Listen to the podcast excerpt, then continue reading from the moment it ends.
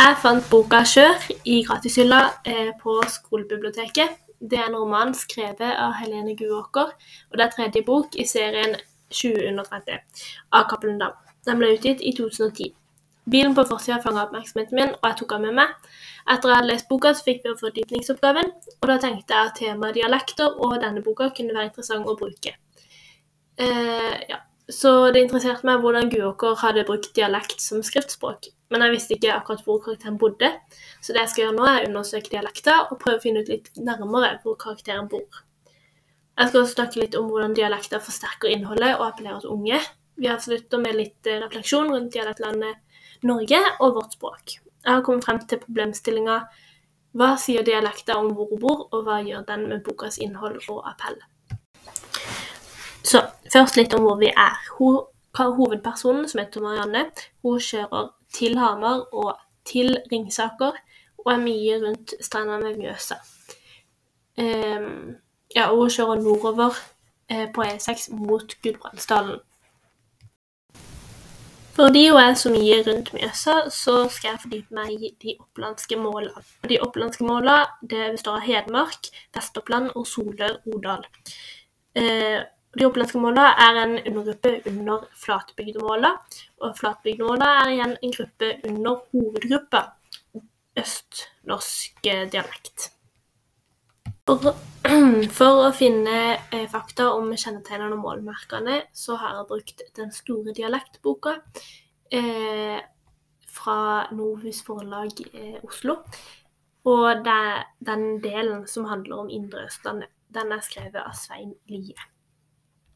Så først eh, kan vi snakke litt om, eh, om vokalene i, eh, ja, i, i den opplandske dialekten. Eh, I Hedmark og Vest-Oppland blir ord med a ofte uttrykt med æ, og de med o får ø istedenfor.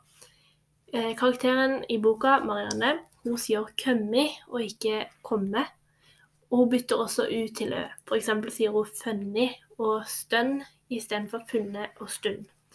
Og så sier hun 'høl'. Og så har hun mange diftonger. F.eks. graut, rastløst, knaut, aleine eh, og veit. Og eh, i Hedmarken så er diftongene blitt forenkla, fordi at de er så nærme Sverige. Så det kan sies litt om at hun ikke er så nærme Sverige. Videre på konsonantene så eh, hører vi at hun sier hvit. En, hun snakker om en mjølkehvit Mustang-boss og et hvitt rom. Eh, og det gjelder da nordover fra med Våler, Østre Toten og Stange. Så vi vet at hun bor over der, da. Over, over den grensa. Eh, ja. Og så er det litt om palatalisering. Eh, det er palatalisering i hele det østnorske området, men det er ikke like tydelig ofte som i f.eks. den trønderske dialekten. Um, palatalisering det er når konsonanten uttales med j-lyd. Et eksempel fra boka er når hun sier 'hun var nødt til å velge'. Ja. Egentlig så er det veldig lite palatalisering igjen i det området vi fordyper oss på. Um, og et av mange eksemplene på at hun ikke bruker palatalisering, er at eh, hun sier 'kvelden'. Da hadde du hatt palatalisering, så hadde det kanskje blitt en J der, eller um, Det hørt hørtes annerledes ut. Og så er det substantivbøying. Det er vanlig at eh, hankjønnsord i bestemt flertall får endinga A. Eksempel fra boka på det er 'alle biler' som sto der. Altså på bokmål så sier du bilene. Nei, bilene. eh, og på Vestlandet sier du bilene. Men eh, her i den opplandske måla så sier du biler. Um, og så er det noe som heter dativ, og det er bare i de norske dialektene. Vi har ikke det i skriftspråket. Og det er noe dativ rundt eh, dette området, men det er mest hos de eldre. Og hovedpersonen vår, eller personen vi snakker om, hun er en ung kvinne i 20-åra. Mest sannsynlig så bruker ikke hun dativsformen særlig ofte. Videre på verbøying. Da eh, har de kløyvd ending. Kløyvd ending er en måte å si verb i infinitivsform. Det opplandske målet har et jamvektsmål Det opplandske målet er et jamvektsmål. Eh, jamvektsloven stammer fra gammelnorsk og bestemmer hvilken endingsvokal verba skal ha. De gamle overvektsorda får e-ending, eh, og jamvektsorda får a-ending. Et eksempel fra boka er, som vi sa i stad, å velge og å beholde. Og så er det noe vi kan skille mjøsbildene fra hverandre på, og det er r-endinga på verbet i presens. Da har jeg et eksempel fra boka, og det er at hun sier at 'jeg ikke kommer'. Her mister du ikke r-endinga, og det betyr at du er fra vestsida av Mjøsa, ikke hedmarkssida. For der hadde du kanskje sagt at 'jeg ikke kommer'. Um, og så er det denne igjenninga hun har. Hun sier jo 'kommet' og 'løggi'. Um, det er typisk for hele området, kanskje spesielt Trysil og Elverum. Men jeg tror hun bor i Mjøsbygdene, så Trysil og Elverum er ikke så veldig relevant. Pronomen. Det er typisk å si 'je' og 'vi' i hele området. I boka er det skrevet 'jeg', og det er kanskje for leseren sin skyld. Eh, vi kan jo ikke høre hvordan hun sier det på ekte, for det er jo ikke en lydbok. Men eh, jeg antar at hun sier 'je', egentlig. Bare at de har skrevet 'jeg' for, for leserens skyld. Og så er det vanlig å si 'han'. Når 'han' er trykklett, så sier man ofte bare 'n' subjektivt. Um, og hun um, ja, Hvordan det sier hun, det er hun. Det sier man på Hedmark, Vest-Oppland og Romerike og Ringerike. A kan også brukes subjektiv, på samme måte som du sier n med hans kjønn. Eksempel fra boka er 'Hun kommer så fort A kan'. Dere subjektivt er eh, de eller det eller de. Objektivt så sier man 'dekk' i Vest-Oppland, men det her fant jeg ingen eksempler på i boka. Og så er det 'de'. De i boka eh, eller de eh, for hele Vest-Oppland og Hedmarken, det er dom. Det er typisk. Et eksempel fra boka er 'Dom skjønte offer'. Og så er det litt med lydtonen. Som sagt så er det jo ikke en lydbok, så jeg vet jo ikke hvordan stemmen høres ut. Men jeg antar at hun har tjukk L. For det er et tydelig målmerke eh, ved den østlandske dialekten. Før jeg går videre til hvordan eh, dialekter forsterker innholdet i boka og appellerer til ungdom, så vil jeg bare konkludere litt med hva vi nettopp fant ut. Hun har altså eh, mange diftonger og er lite påvirka av bymålet fra Oslo. Eh, og hun har er, eller er-ending, eh, på eh, verb i presens. Og det sier altså at hun bor på vestsida av Mjøsa. Helene Guåker er født i 1983 i Ringsaker. Hun har en bachelorgrad i nordisk språk og litteratur. Og det at hun har studert språk, trolig snakk og dialekter og har vokst opp i området, gjør at boka er godt skrevet, føles ekte og riktig, hvis det går an å si. hun som forfatter og boka får sterke etos. Konseptet med 730-serien er at forfatteren er yngre enn 30 år. Det at hun var ung selv da hun skrev boka, gjør at hun er på litt samme plan som de unge mottakerne. Psykisk og sosialt, mener jeg da.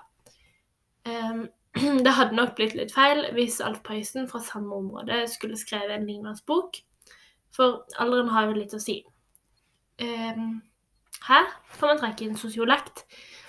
Eh, sosiolekt det er variasjon i språket innenfor et geografisk område.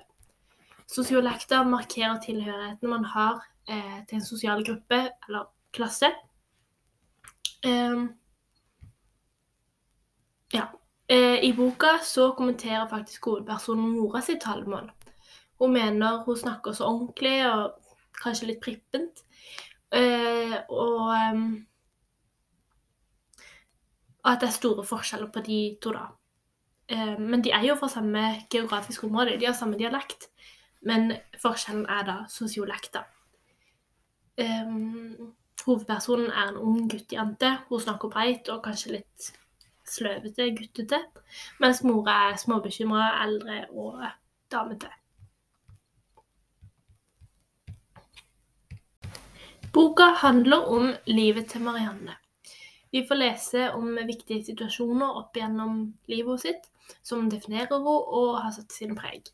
Hun er gal etter det meste med motor, hun går Mac-en og er ganske guttete.